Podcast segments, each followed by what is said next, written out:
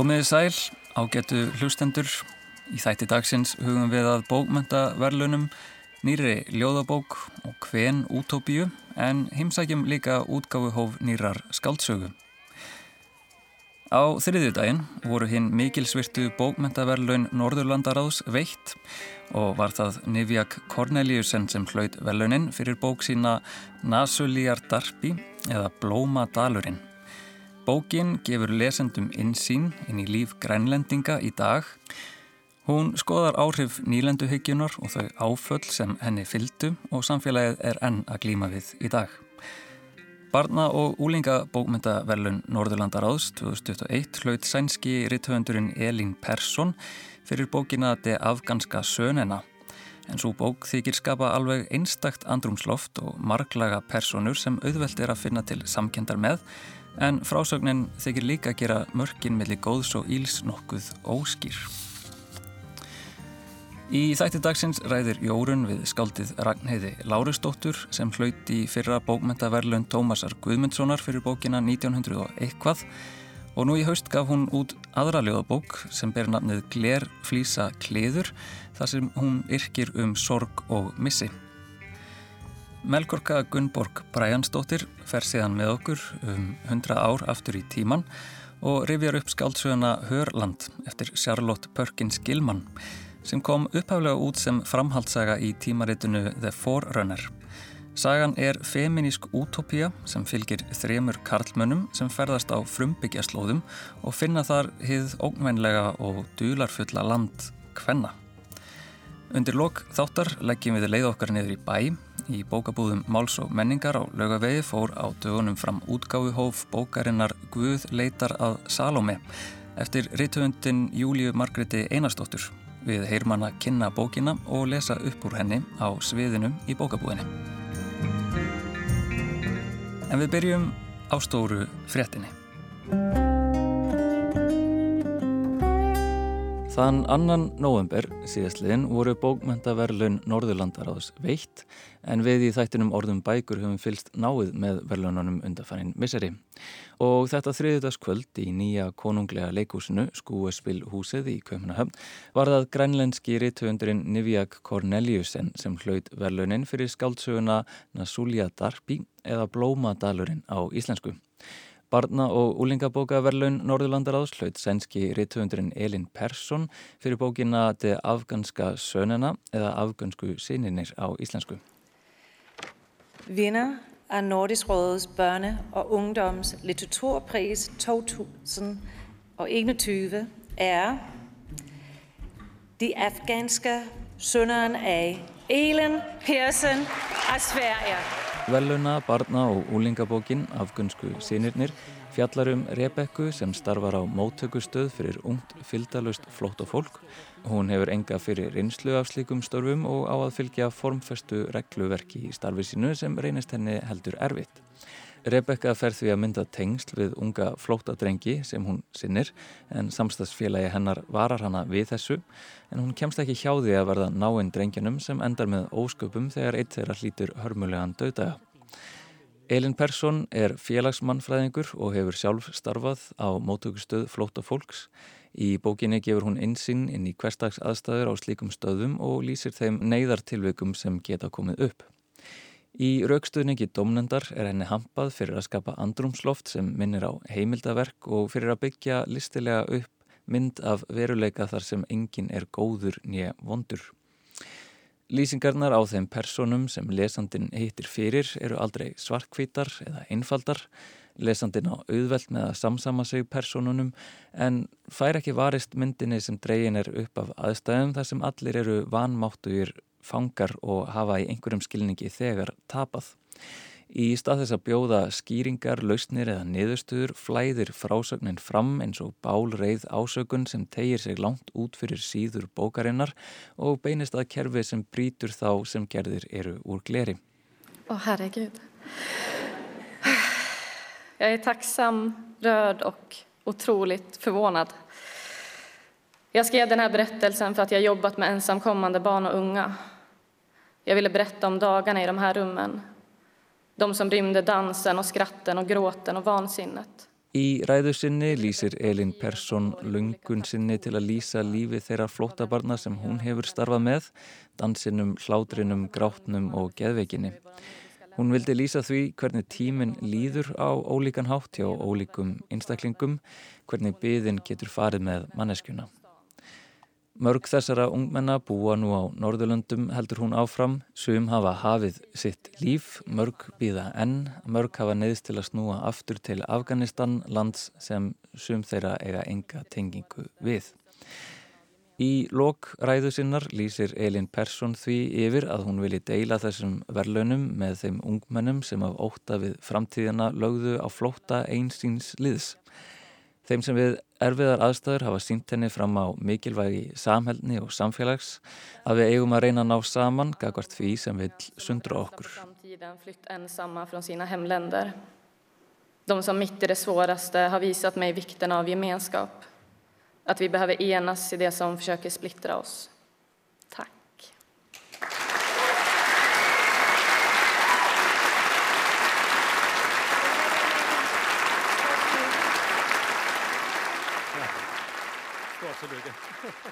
Nasulia Darby, eða Blómadalurinn eftir Nivjak Corneliusen, hlaut síðan hinn gamalgrónu bókmentaverlun Norðurlandaráðs.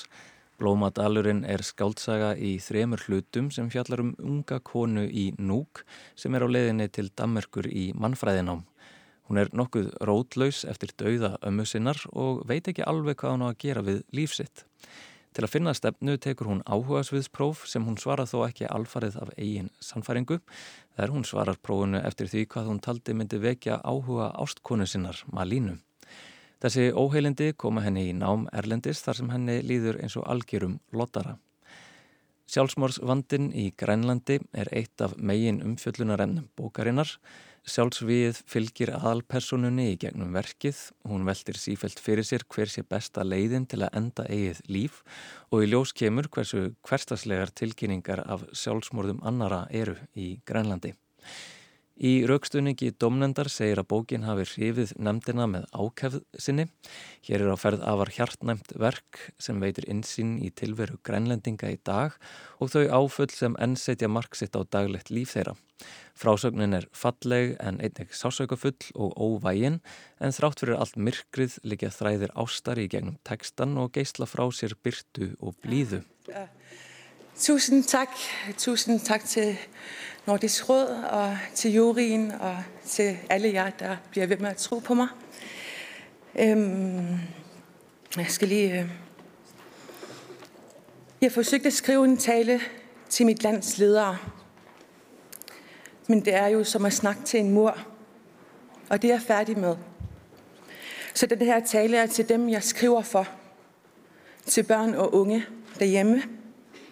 I grund til, at jeg har fået den her pris. Ég reyndi að skrifa ræðu sem væri ætluð leiðtógum landsins en það er eins og að tala við vegg, sagði Neviak Korneliusen í upphafi ræðu sinnar. Þessi ræða er ætluð þeim, helt hún áfram, sem ég skrifa fyrir, börnunum og úlingunum heima. Ykkar vegna fekk ég verlunin. Heima er hæsta sjálfsmórstíðni í heiminum. Við höfum mist fjölda fólks gegnum kynnslóðirnar. Fólk sem enn geti verið hér hefði geta átt langt líf fólk sem hefði orðið eldra en 20, 15 eða 12 ára. Kerfið bregst aftur og aftur þegar þörfin er mest, kerfið hafnar ábyrðinni sem þið takið á ykkur þótti vitið ekki hvort þið haldið nóttina út. Til jer, der har lyst til at leve, men ikke længere kan magte det. Vi har et modbydeligt system, som tvinger jer til at vælge mellem liv og død. Sandheden er, at jeres plads i denne verden er den, der betyder allermest, og vi voksne, vi er ingenting uden jer. Så undskyld på vegne af alle de voksne, der er ansvarlige for jer. Undskyld, fordi I alt for ofte er efterladt til jer selv. Til jer, som vi har mistet, og som vi ikke længere snakker om.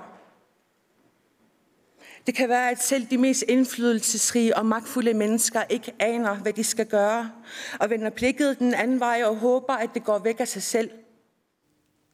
En svo heyrist tilengaði Nivjak Corneliusen ræðuna þeim sem lifa við hæstu sjálfsmórstíðni í heimi, ungmennum Grenlands, þeim sem finna styrk til að lifa einn dag enn þeirra sem hefur verið hend út af stúdendagörðum eftir að hafa reynd sjálfsvík til þeirra sem læknirinn, lauruglumadurinn, kennarin og stjórnmálamadurinn hefur ekki lengur trú á, til þeirra sem vilja lifa en geta það ekki lengur, samkvæmt Corneliusen.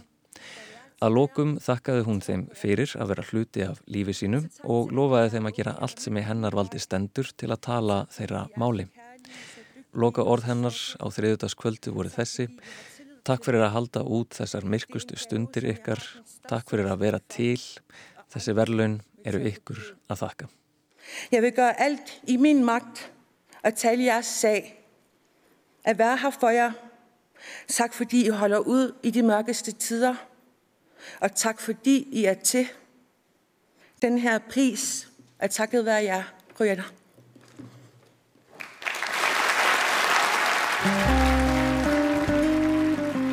En frá bókmentaverlunum Norðurlandaráðs ætlum við að taka smá ferðalag aftur í tíman. Melkorka Gunnborg Bræjansdóttir hefur verið að rannsaka feminíska útópíu. Og þó, þar sem ég horfi framann í þar frá einu andliti til annars, rólegar, alvarlegar, vitrar og algjörlega óttalösar, fullvissar og ákveðnar, fann ég undarlega tilfinningu, mjög gamla tilfinningu. Tilfinningu sem ég rækti aftar og aftar í minningu mína þángar til ég þekkt hana loksins. Þetta var svo vonlösa tilfinning sem ég fann þegar ég vissi að ég var að gera eitthvað ránt.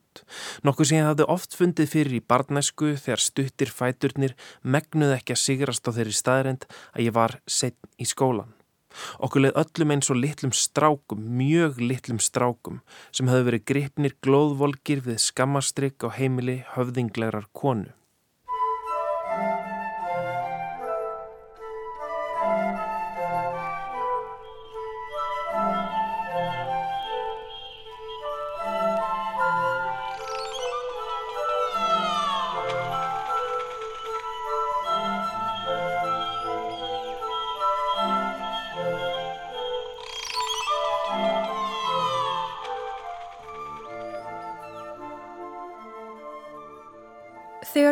Bókmyndum hljómar hugtækið feminísk útópía eins og það sé freka nýtt af nálinni.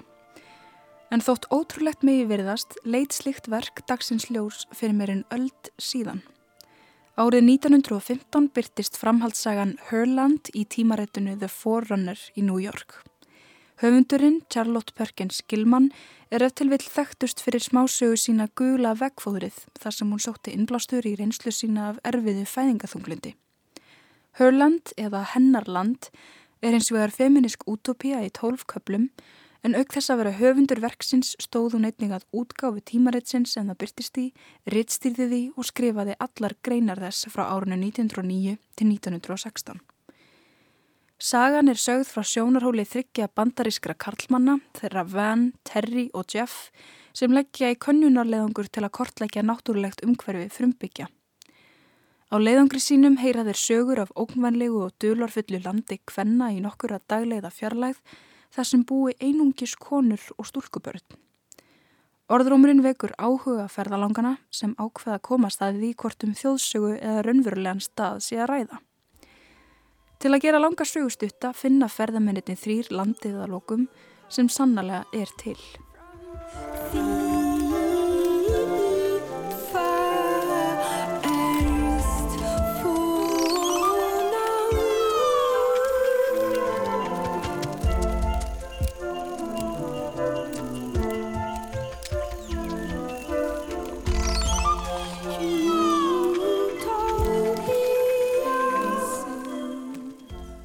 Segja má að karlmennir þrýr séu tákgrænar erketýpur.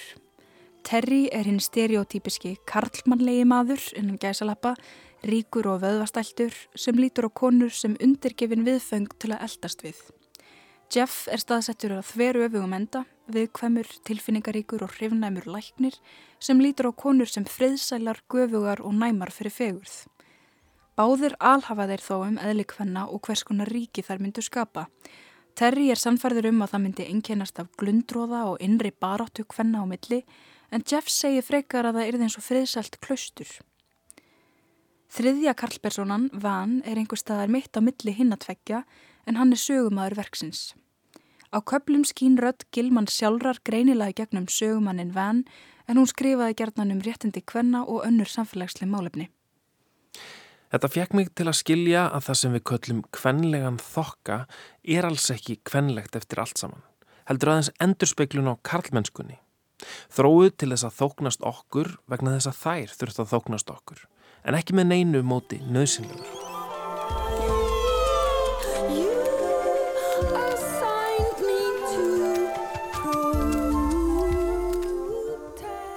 Landið sem karlmennir finna er einungis byggt konum og konur eru auk þess einu stjórnendunir.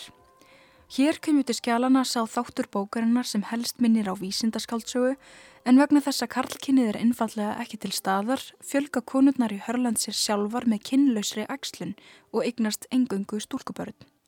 Hörland er þó ekki vísindaskáldsega heldur allegórisk útopía sem þarf ekki verið í takt við lögmál raunveruleikans. Upprunalega merkir orðið útópía jú staðleisa, staður sem ekki er til. Útópían er því eðli sínu ímynduð. Með þessari aðferð til fólksfjölgunar leggur Gilman þó einnig rótæka tillögu til lesenda sinna, sem lang flestir voru konur, að í fullkomnum útópískum heimi þyrtu þær ekki leifi Karlmanns til að ákveða hvenar þær vildu eigna spörn. Í anda hinnar útópísku bókmyndahefðar leiða stjórnendur hins friðsæla kvennaríkis gerst hinn að þrjá í gegnum helstu þætti samfélagsins en þannig gaggrinir gilmannum leið sitt eigið samfélag og sínir fram á möguleika til endurbóta. Í þeim heimi sem gilmann hræðist í voru konur bundnar við heimilið og þeim meinað aðgengið að valdastuðum. Það sem blasir við í Hörland er hins vegar andstæða og jöfnuðarinn sem gilmann þekkti sjálf. Þar eru engin stríð, engin afbrott, ekkert hungur, engin sóun, engin hégómi, engin afbríðisemi og heldur engin hjartasorg. Konurnar starfa samhæðar sem ein stór þryggja miljón kvennafjölskylda. Allar hljótaðar mentun og stöðug efnhagsleg og félagsleg framþróun er forgangsatriði. Með þessu leggur Gilman til að heimur sem væri aðeins byggður konum myndi ekki bara ganga upp, heldur er þann flekklaus sósælísk útopía og það sé ennfremur innmitt fjárvera karlmanna sem gerir slíka útopíu mögulega.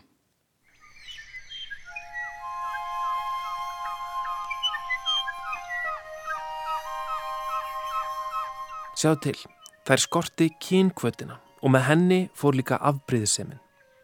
Þar hafðu engar stríðandi þjóðir, enga yfirstjætt, enga miskiptingu auðs, þessar stæðilegu hreinu megar hafðu enga karlmenn til að óttast og þar að leiðandi enga þörf til að verja sig.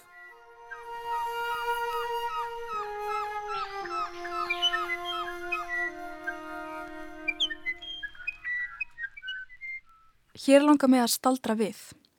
Með útrýmingu kynkvallarinnar er eins og gilmann útilóki að konur getur orðið ástfangnar kóra vannari. Þetta er aðtilsvert í ljósi þess að margir telja að gilmann hafi sjálf átt í ástarsambandi við aðra konu. Hér verður við samt að hafa útgafu árið hugfast því árið 1915 voru takmörk fyrir því sem jafnvel rótækustu feministar gáttu lift sér að segja. Aftur á móti inniheldur Hörland ímsar hugmyndir sem verða að taljast framústefnulegar fyrir útgafu árið. Allar konurnar í Hörland eru grammitisætur og þær drekka heldur ekki kúamjölk. Þær eru því nánast vegan. Auk þess leggja þær mikla áherslu á sjálfberni og umhverjusvend. Öllum matarafgöngum, jurtaúrgangi og efni úr skolpræsakerfinu er skilað aftur í jörðina og síðan er það endurunnið. Andstætt samfélagi Karlana einkennist Hörland af áherslu og hagsmunni heildarinnar. Hver kona uppfyllir sína skildur og sinnir sínum verkefnum í þáu samfélagsins í samræmi við hæfileika sína og áhuga mál. Haugmyndin um engaegn er þeim algjörlega framandi því það er deila heimilum og verðmætum. Uppeldi er álitið sameigilegt verkefni og stúlkubörnin eru alveg upp á samfélaginu heilt en ekki af líffræðilegum maðurum sínum. Hér eru við komin að kjarna samfélagsins í Hörland því sem allt hverfist um, nefnilega móður hlutverkið. Öll svo hotlusta og þær fórnir sem konurnarakkar hafa fært fyrir enga fjölskyldur sínar hafa þessar konur lagt í landsitt og kynstofn. Alla þá tryggð og þjónustu sem eiginmenn ætla konum sínum gáfi þær ekki til karlmanna heldur sameinlega hver til annarar og móðuræðlið, hjá okkur svo sárlega ákaft, svo einbeitt í gard fára barna, svo sært af dauða, veikindum eða ófrjósemi og meirað að segja af uppvexti barnana sem skilja móður sína eftir eina í tómu hreðri. Hjá þeim flætti öll þessi tilfinning fram í sterkum, breyðum ströymi, óslitnum í gegnum kynnslóðirnar sem dýfkaði og vikaði með árunum og umvaði hvert einasta barn í landinu. En lífið í Hörland er þó ekki intómur dansarósum heldur á það sér myrkari hliðar.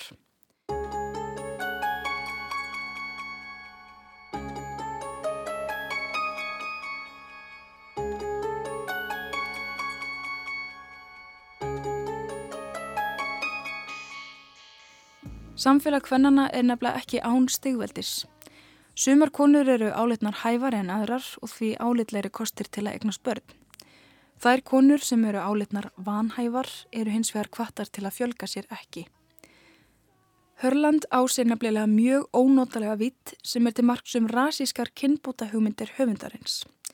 Gilman hafði sterkar skoðunir á því hverjir mættu fjölga sér og hverjir ekki og skrifaði yðurlega um það í bandarisk tímaritt. En meðal annars talaði hún fyrir nótkunn getnaðavarna til jákvæðra kynbóta.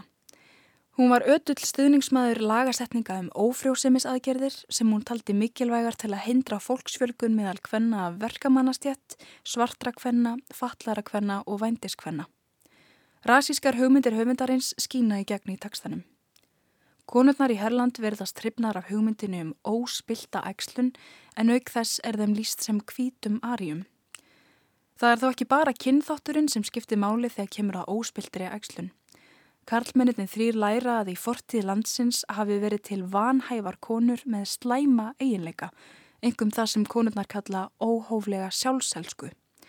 Þar hafi þó fundið löst á vandamálinu, þessar konur, hinnar svokölluðu leggstu gerðir, hafi innfallega verið ræktaðar burt. Í mínum skilningi vísar óhófleg sjálfselska til uppreysnargerðra einstaklinga Þeirra hvenna sem hafðu stert einstaklingsæðili og persónlega skoðanir á því hvernig samfélaginu skildi stjórnað. Í Hörland er þeim konum sem hafa einstaklingsbyrnar þarfir eða skoðanir einfallega útrýmt. Það er einnig sérstaklega tekið fram að konurnar í Hörland eru hárlausar í framann.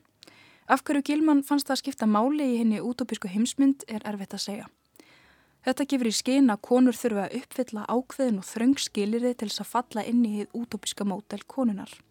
Það er eiga að vera yfirvögaðar, samvinnu þýðar, kvítar, líkamlega heilbreyðar og þar að þau ekki hárlausar í framann. Þó Gilman hafi verið lofið sem framsýn feministi hafa margir lesendur hennar sett spurningamerki við þessa þættir sögunar. Í dag þykir feminismi hennar komin til árasinna, mótsagnakendur og byggður á mismunun í senn rótækur og afturhaldsamur. Er það feminismi? Að ímynda sér fullkomin heimkvenna þar sem konurnar hafa rækta það með sér að vera sterkari og gáfaðri en karlmenn. Undir niðri er þá ekki verið að gefa í skin að konur séu ekki nógu góðar eins og þær eru. Og meðgangan. Það eina sem skiptir þessar konur máli er meðganga á móðurhlutverkið. Jafnvel í feminískri útópíu eru konur bundnar við lífræðilegt hlutverksitt.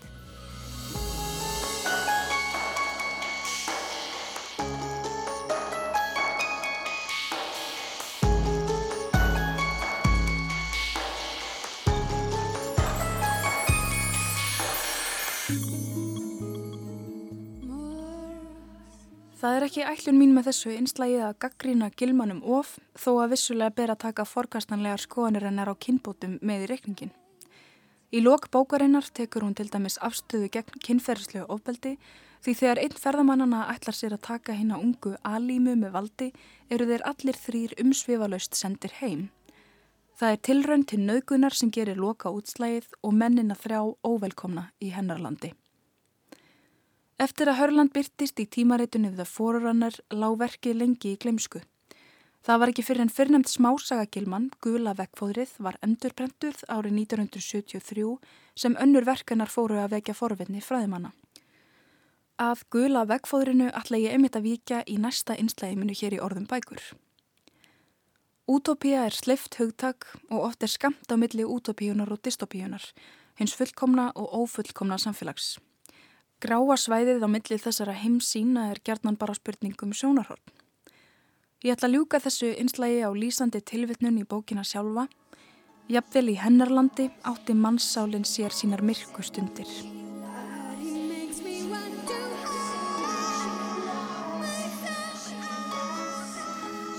Sagði Melkorka Gunnborg Bræjansdóttir um skáldsöguna Hörland eftir Charlotte Perkins Gilman. Utopia er sleift hugtak, draumaland eins getur verið martraðareiki annars. En frá heimsbókmentunum stennum við heim, jólabókaflóðið eða kannski öllu heldur ljóðabókaflóðið er komið á skrið.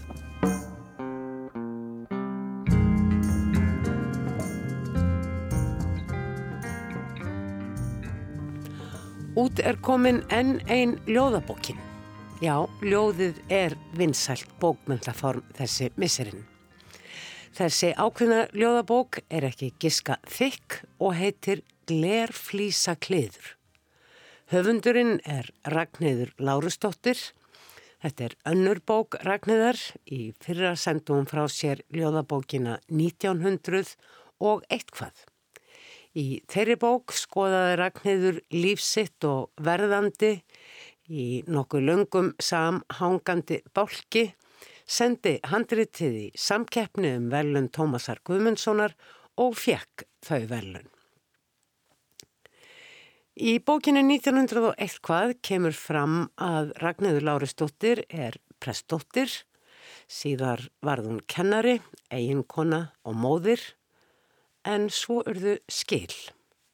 Prestdóttirinn, kennarin og móðurinn held áfram að vera til, en nú var Ragnæður fráskilinn. Og það eru þau þáttaskil í lífi hennar sem endanlega gerðu hana af ljóðskaldi. En Ragnarður, þú áttir alltaf þetta ljóð, svona samkvæmt eh, 1900 og eitthvað. Þú verðist hafa svona gengið í gegnum þessi stóru og miklu og sársökafullu þáttaskil sem ég held að allmargir skilji nú mjög vel með því að já, taka til ljóðsins. Já, það má segja það ég hafði alltaf skrifað en mjög lítið komið í á framfæri. Byrt samt eitthvað í tímaritum og svona já, eitt og eitt? Já, það kom fyrir sko, sérstaklega meðan ég var í, í skóla, bæði í mentalskóla og háskóla með vantæði penning og þá gæti ég ferðinir okay. á mokka og selti í lesbókina. Það var náttúrulega mjög skemmtilegt að sjá mm. eitthvað eftir sjá brendi og, og fá svolítið penning. Dreymdiði þá uh, um að gera þetta ríkara þætti í lífiðinu? Já, já, og ég var alveg með sko full búið handrit að því mér fannst svona e, þegar ég var að klára mm, háskólanám. En Hvað ertu, íslensku? Já, ég lærði íslensku og, og söng á sama tíma, þannig að ég var að taka bæði þess að hérna bíapróf og, og söngkennarpróf á sýpiðum tíma. En einhvern veginn kom ég þessu handrit ekki frá mér þá Þú fóst ekkert með það á röltamill útgefenda Nei, ég gerði það ekki. Ég fekk vinkonu mínu til að lesa yfir og hún sagði, jú, þetta er alveg fínt en þetta er nú svo sem ekkert betra en eh, gengur að gerist og þá gerði ég ekkert meira með það. Ansi hörð. Já. ég er ekki vissum að vinkonur myndi segja þetta í dag en þetta voru líka aðrir tímar fyrir, ég veit ekki hvað er langt síðan, kannski 30 ár uh, uppmyndir það að þá var þetta svona, segja má, annar bransi, ljóðabransin. Já, já, öruglega sko. Ég að uh, leta ekki á það reyna þá. En svo gerast þessar sviftingar öllum að óvörum en svo sviftingar eru eh, oftast nær. Já, já. Komi í bakið á manni og þá varst, varstu fljótað fara inn í þetta eða þurftur fyrst að ganga í gegnum já, margskonar hremmingar sem þú lýsir já, bæði í 1900 aðeins þarna undir lokin og sérstaklega náttúrulega í þessari bók. Já, já, já, það gekk mjög mikið á þannig í mínu lífa á þessum tíma veikindi alls konar mín og, og annara og, og allt mögulegt en ég held náttúrulega bara áfram að skrifa og og það ágerðist, já, mjög þegar, mm. þegar svona þrengdi að mér. Hafðu alltaf haldið áfram að skrifa? Já, alltaf eitthvað. Ekkert kannski daglega? En... Nei, ekki daglega og það kom alveg nokkur ár meðan börnum mín voru lítil að þá skrifaði ég nánast ekkert. Mm. En, en ég hefði alltaf haldið áfram, sko. Mm. Hvað er það sem heillar þið við ljóð? Er það formið? Er það uh, mögu, þessi möguleiki á óræðri tjáningu? Er það orðin til leiks? Þetta sé bara allt sko. Og ég hef alltaf bara hrifist af ljóðum og lesið náttúrulega mjög mikið af ljóðum og uh, einhvern veginn heitlast að þessu. Ég held að fyrst og fremst er það formið. Þetta, uh, ég náttúrulega skrifa aldrei í hefbunni formi. Nei, en, það er frjálst formið hjá þér. Já, og það er eitthvað mjög mikið frelsi í þessu að geta skrifað. En líka það að ég hef ekki, ég hef ekki til að skrifa skáldsögu. Þetta er nú næstu því saga, 1900 Já. og eitthvað. Já, Það, það eru... Þetta er æfisaga þín. Já. Sagan af prestdótturinni, hvað í öndafyrði? Holti? Já, við byggum í Holti í öndafyrði og ég er náttúrulega fer þaðan mjög ungt mm. til þess að fara í skóla hérna í Reykjavík. Akkurat. En auðvitað eru mótunar árin manns uh, svo mm. mikil sverði í lífum hans. Það er nefnilega einhvern veginn um leiðu ég fekk þessa bóki hendur, glerflýsa kliður og hafi lesið henni gegna þá fór ég strax að leita að henni Já. í hillunni vegna þess að þetta ferfist um sama ás. Þetta eru þessi sömu tímamót. Mm -hmm. Í 1900 og eitthvað þá ferða að skoða aðdragandan að segja má. Já. Hvernig var lífið svona í stærstu stoppustöðunum og síðan er það glerflýsa kliður, það er afmarkaðri tími Já. og meira augnablíkið og þar er líka, er komin önnur aðal persóna. Já. Þú skiptir þess á milli þín og móður þínar. Já.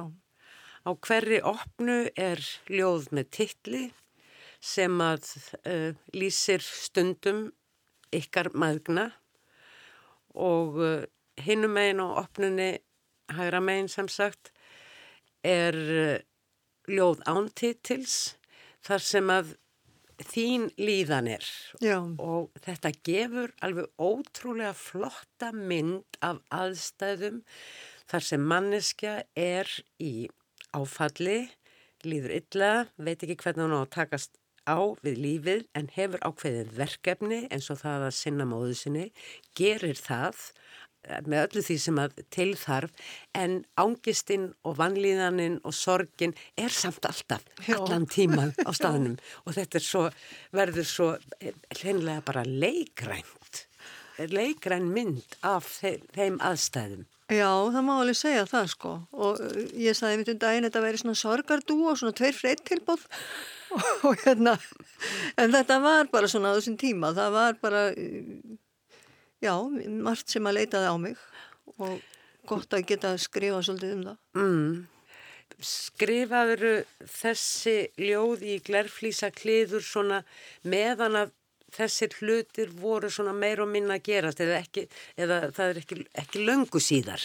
Nei, ég skrifaði þetta bara á uh, þessu ári meir og minna sko. Já. Er... Meðan að, að móðurinn er á elli heimilinu og allsæmerinn er að taka yfir hjá henni og hún síðan uh, sagt, leggur af, af stað í sína endaloka göngus. Hún er dáin fyrir þremir árum síðan, okay. máður minn. Kemur fram sko í síðasta ljóðinu okay. eða, eða mjög aftalega, þá er hún að deyja. Þá er ég að lýsa því. Sjö dagar og sjö nætur, heitir það. Já. Á blaðsíð 38. Já. Hún er sjö dagar og sjö nætur að deyja. Já. Við hverjum og grátum og munum hana. Sem kunni allt, myndi allt og gat allt. En var búin að gleyma öllum. Og, en þetta er held ég svona uh, upplifin margra, það er mjög margir sem er að uh, sem eiga ættingja sem fær Alzheimer. Mm. og það er nú, hvað er umlega eitt fjörði þjóðarinnar sem skilur einhvern tján á æfinni að þetta, er, þetta eru algengar sorgir, hverstar sorgir Hugsaður stundum um það sko að þetta væri einhvern veginn kannski allt svo klassíst. Já. Svikin von, lífhrifsaburt, kasta út í buskan, tróðun í sva, svaðið, líka því sem fallegt var og gefandi og frjótt. Líkam og sál gefur sér þessari miklu sorg, svo kemur reyðin, þetta er, þetta er mjög kunnulegt. Já, já, þetta er algjör klísja, mér fannst það ofta alveg rosalega hallaríslegt að ég væri að gera þetta nákvæmlega eins og, og bara úr hverri bók sem það var, einhvern veginn. Mm en þannig er held í lífið, það, við erum ekkert að Klísurnar er ekki klísur fyrir ekki neitt. Nei, það er umflað nákvæmlega þannig. Segðu mér, þegar þú ferð að skrifa í þinni sorg og niðursveiflu og uh, óvissu í rauninni, hvernig líf þitt muni arta sig eftir á, það sem á undan er gengið, eftir þessi miklu skil. Hvernig verður þau ljóst að 1900 og eitthvað er að verða bók? E, það er eiginlega bara e, á vormánuðum 2020 sem að e, ég er komið með það mikið efni að ég hugsa já, ég ætti að gera eitthvað þetta. Mm. Og ég var ekki alveg tilbúin að láta þetta bara mikla í talvinni eins og allt annað sem ég hafi skrifað. Þú vildi fannst... gera öðruvísi núna? Já, ég hugsaði, já, já, ég hef hvort sem er enga tapa. Ég er að verða gömul og ég er hérna eina báti og ég get alveg látið á þetta reyna. Ég hérna, mun ekkert gera á svo miklu fýbli, þá gerist ekkert með þetta. Mm. Nei, þetta er mjög skemmtilega aflega, þetta er náttúrulega líka aldarfarslýsing, þetta er ekki bara saga þín, þetta er saga tímaskeiðs Já. og ákveðni hlutir sem að uh, sumir á Íslandu upplifðu og aðrir ekki eins og uh, þetta að eiga tvö líf, eitt í sveitinu og eitt í borginni Já, sem að þú lýsir mjög Mm -hmm. í borgin er mentunin og, og, og frelsið en, en, í, en í sveitinni er hlýjan skilduverk líka og, og allt það. Og þar er þessi sama móðir hjúgrunakonan og þarna í glerflísakliður. Man ekki hver hún er. Nei. talar um hvað dóttur sín sé falleg. En, en veit ekki að hún er mamma mín. Nei, já, hverra já. mann er hún? Þú ert mamma mín. Þetta er, já ég held sko að Ég byrjaði nú eiginlega að skrifa þetta sem er í 1900 og eitthvað að því að ég vildi bara segja krökkunum mínu frá því hvernig æska mín var, mm. svo ólík þeirra æsku og uh, þetta átti bara að vera svona útskýringar fyrir þau á hvernig ég væri, ég var náttúrulega sumuleiti bara svona einhver fordgripur úr af annari öld. Er það ekki mjög lógist? Þannig séð sko. Jú.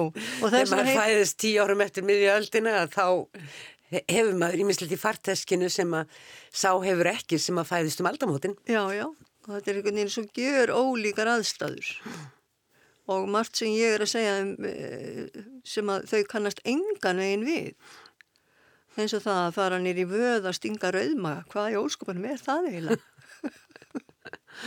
Já, það eru hafa orðið alveg ótrúlegar umbreytingar á síðustu hálfu öld. Já. Alveg ótrúlegar. Já. Líklega aldrei orðið meiri en það segir kannski hver einasta kynsluð. já, öruglega. Mm. 1900 er svona, já hvað ég segja, það er langur bálkur. Já. Tiltölulega hérna beint áfram frá mhm. upphafi mm. til enda. Hérna ertu, hérna ertu að forma. Já.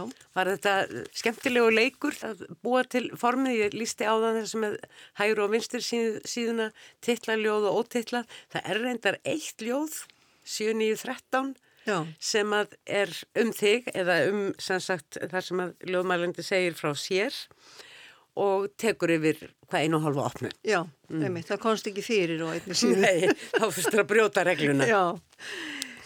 Þið það gott? Mm, nei, nei, sko, upphallega skrifaði ég þetta í tvennulagi. Ég skil. Og ég var í svolítum ógöngum með þetta, því að það, svo kom bara eins og einhver eldvarnar hurð þarna á milli tveggja handrita. Og ég var svona búin að baklast með þetta og sendi þetta síni mínum sem er að læra eðlisfræði í Kaupmannahöfn. og hann last yfir og kom bara strax með, áhverju setur þið ekki bara sitt á hvað?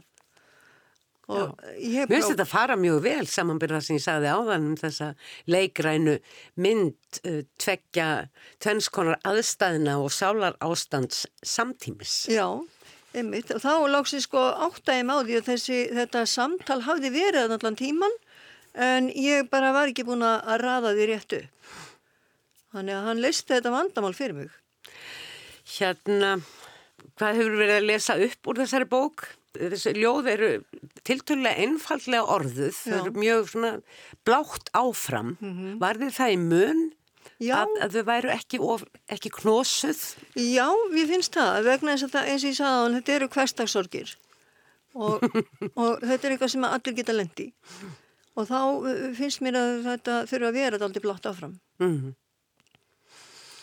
Og maður hefur á að renni tiltölulega auðveldlega frá þér.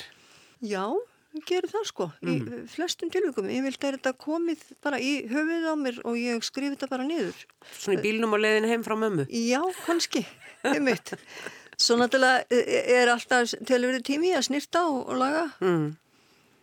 en, en þetta kemur aldrei svona já, rennur bara beint niður á papír Hvaða opni langar þið til að lesa? Það er mér langi ekki að lesa þarna þar sem að þeir sitja, heiti Hvar. Hvar. Þær sitja saman út í sólinni, konurnar á deldinni, reyna að staðsitja sig í tíma og rúmi. Einn segir að þeir séu kópavogi og hún er í hús upp á hæðinni. Það standi þarna full búið húsgögnum. Við getum gist þar ef við viljum, segir hún. Önnur syngur án afláts. Gutti, gutti, gutti, gutti, gutti, kondu heim. Svo þriðja stendur skindileg upp og spyr Hver bauð ykkur eiginlega öllum hinga á svalina til mín? Ég veit ekki til þess að ég hafi gert það. Fariði bara heim til ykkar og ég er hún hundleið á þessum eilifu guttavísum. Það er þagna, hver og ein með sínar fölnandi minningar, sína eigin útgáfu af hornum veruleika og velta fyrir sér hvar það eigi heima. Á morgnana verður hún að vakna snemma Sorgin er áriðsul og kvílir stundum svo þungt á sænginni að konan kemst ekki að fætur. Liggur undir farginu fram eftir degi, marinn og kramin. Hmm. Það var eitt ljóð hérna sem að ég áttaði mig ekki alveg á en það er, þar kemur einmitt fyrir uh, titill ljóðabókarinnar, Glerflísa kliður og þetta er þetta er næstuð eins og það sé verið að egna seið. Já. Mér langar Já. til að byggja um að lesa þá opnu því að svo er hinum megin mjög svona ljúlegt ljóð, Já. afmæli. Já, afmæli. Við komum með kökur, allir kom í afmæliskaffi og syngja afmælisöngin. Mamma syngur líka og klappar fyrir afmælisbarninu. Góð kaka, segir hún. Á einhver afmæli? Hver á afmæli? Þú átt ammæli, mamma? Nei, hætti nú alveg. Upp á yfirborðið flæðir blóð úr mergjarðar.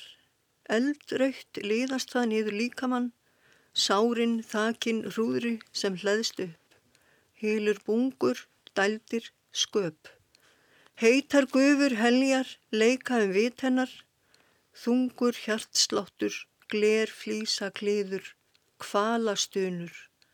kvalastunur. Gapandi sundur tætt hold, byltir sér og skelfur, andvarp undir bláum himni og kaldri vorsól.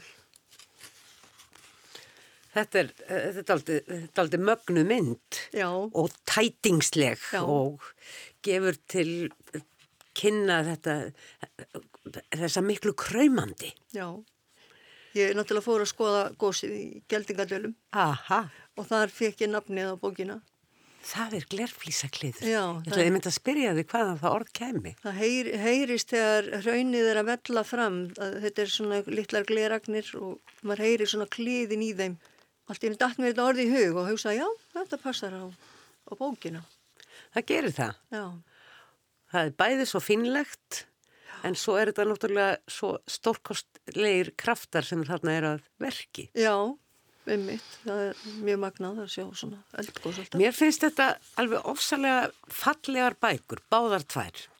Hvor með sínum hætti og, og þetta, þetta er svona bækur til að grýpa til. Já. Þetta er ekki stórar bækur að umfangi en það má gerðnan notfæra sér orðin sem þar standa. Og mér langar að lókum að byrja um að lesa þitt titlaða ljóð, 1379. Já, 1379. Að sjörum liðnum hveður sorgin einn daginn, pakkar saman og er horfin yfir hæðina. Konan er eftir einn og sorglaus. horfið tilbaka og skilur ekki hvað hún tregaði svona mikið og sárt. Sér bláan heiminn, sól, tre og kött á girðingu. Finnur gleði og frelsi í einveru sinni. Hún þarf ekki að leita sér félaga, er sín eigin kona. Hún þarf ekki að flýja undan sorginni og óttanum. Loks getur hún sest nýður og notið stundarinnar og friðarins í einsend sinni, glaðst með sjálfur í sér. Bestu þakkir Ragnhildur Lárusdóttir. Húmórin er nú líka þarna, við hefum heyrt það í fleiri ljóðum heldur en bara þessu. Að hann náði að brjótast upp á yfirborðið eftir á allt sem undan var gengið. Já, já. Eða bjargaðu þur kannski. Já, allan tíman. Mér fannst þetta náttúrulega ótrúlega fyndið að vera svona uh, sorgbitinn kettling. Og hérna, en, en sko, millir þess að ég hlóaði að þá, þá greti líka. Og Þetta held ég margir hljóta kannast við. Ekki nokkur spurning, fleiri en nokkur grunnar. Enn og aftur bestu þakkir og til hamingu með báðarbækunar. Kæra þakkir.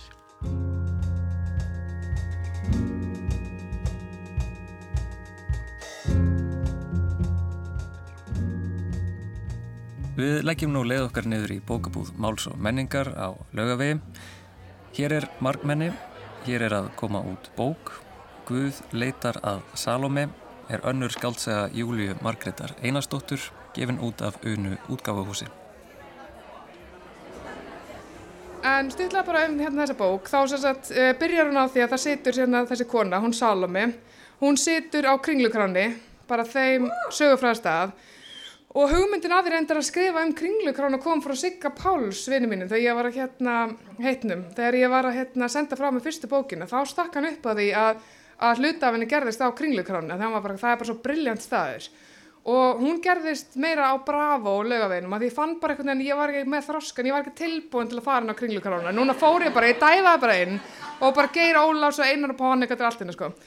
Um, og hérna, hún setur sérst á kringlukránu og hún er að skrifa bref og fyrsta brefið skrifar hún fyrsta desember. Og heldur hún áfram þangar til að það bara líður að jólum. Þannig að þetta er svona líka svona jóladagatal og hún er að skrifa bréf til manneski sem hún þekkti fyrir tíu árum og hún er bara loksins í fyrst fyrir sinna æfinni þá er hún bara að segja sína sögu. Og hluta af dræfinu sem fær hana til að skrifa þetta er að hún er búin að týna kettinum sínum sem er fyrir ballus og konu vestamartru sem ég gætt sett mannskunni og hérna, já, ég ætla bara að lesa hvað hún hefur að segja. Uh, aðeins inn í kaplan Hingar ég sem sagt komin í kringluna á staðin okkar Klukkan er akkurat 11.03 og tæknilega séð á ég ammæli. Það kendir þú mér. Við vorum alltaf hjá gladar að sjá klukkun að verða 11.03 í búðinni. Þá sagði þú, til hamngi mammarsala með það er 11. mars á klukkunni og núna máttu óska þér. Síðan settur þú diskin í spilaran með lögunum úr myndinni Kukurukuru Paloma. Valdi lag nummið þrjú, lægið mitt og titilægið sungið á Lólubelt rann. Þú sagðir að ég væri eins og dúvan sem sungi væri um í læginu Þögul en forvitin, fyldist hugsi með hverju reyfingu, hlustaði eftir hverju orði sem sagt værið að sungið og greindi um hverfi rannsakandi. Hallaði undir flatt en segði fátt, en virtist hafa svarið við alheimskátunni, svarið sem aðeins dúfur hafa. Þú sagðir ég væri dúfa því ég rataði allt og þekkti öll andlit sem ég hefði ekki séð nema einu sinni því ekkert fyrir fram hjá dúfum, bættir þú við, við vitum ekkert hvað það er hugsa. Þær voru líka satanískir bjargvættur öskubusku, þær segðu korri ró, blóð í skó og kroppuðu augun úr vondu stjúpsistrunum svo ástin gæti sigraði friði fyrir afbríðisemi þeirra. Samskonar afbríðisemi áttu eftir að koma upp á milli okkar. En þannig sást þú mig frá öðru sjónarhörn en allir aðrir og þó það væri óhugnanlegt það var það líka hlýlegt og notanlegt. En að lókum sástu mig og velhelga og það var hættulegt að leifa þér það lengur. Áðan svipaðist ég um á bílastæðinu þar sem ég fann lúpínu fyrst, lúpínakvætturinn. Það raki augun í hortnið okkar þar sem við hlömmum okkur stundum tvær saman eftir vinnu, mannstu við reyktum gras og hlustum á auðlisingaskildi hjá kringlunni flettast mjúklega. Benetton auðlising var skólajógurt sem varða auðlisingum gullúr eða vít háreðingakrem. Skiltið flettist og flettist eins og blaðsýri sögu sem aldrei endar, hefst bara frá byrjun aftur og aftur. Nú er þar ekkert nema ælipollur, yfirgefin innkaupa kerra og stöku síkartustöpur. Þegar ég sá þig í síðasta sinn í bílastæðinu hjá Hákaup 23. desember árið 2000 varstu með klút bundin um hálsin í gulum kjól með ringi nefinu og hugsa sér Helga, við vorum bara 18 ára. Nýbúnar að loka búðinni í síðasta skipti saman, telja klingið í kassanum, raða tarótspilastokkunum og sópa gólfið áður en við klættum okkur í yfirhafnir og stregarskó, settum þjófavörnuna á og tókum liftuna niður af þriðjuhæð. Hvað gerðist eiginlega? Ég hrindi þér frá mér og þú kvattir í fússi með buksnaklaufin að renda niður og reyði gnista í augum. Á þeim tímapunkti hefði ég átt að stoppa þig og útskýra. Tósa ég úlpuna og byggja þig að hlusta aðeins.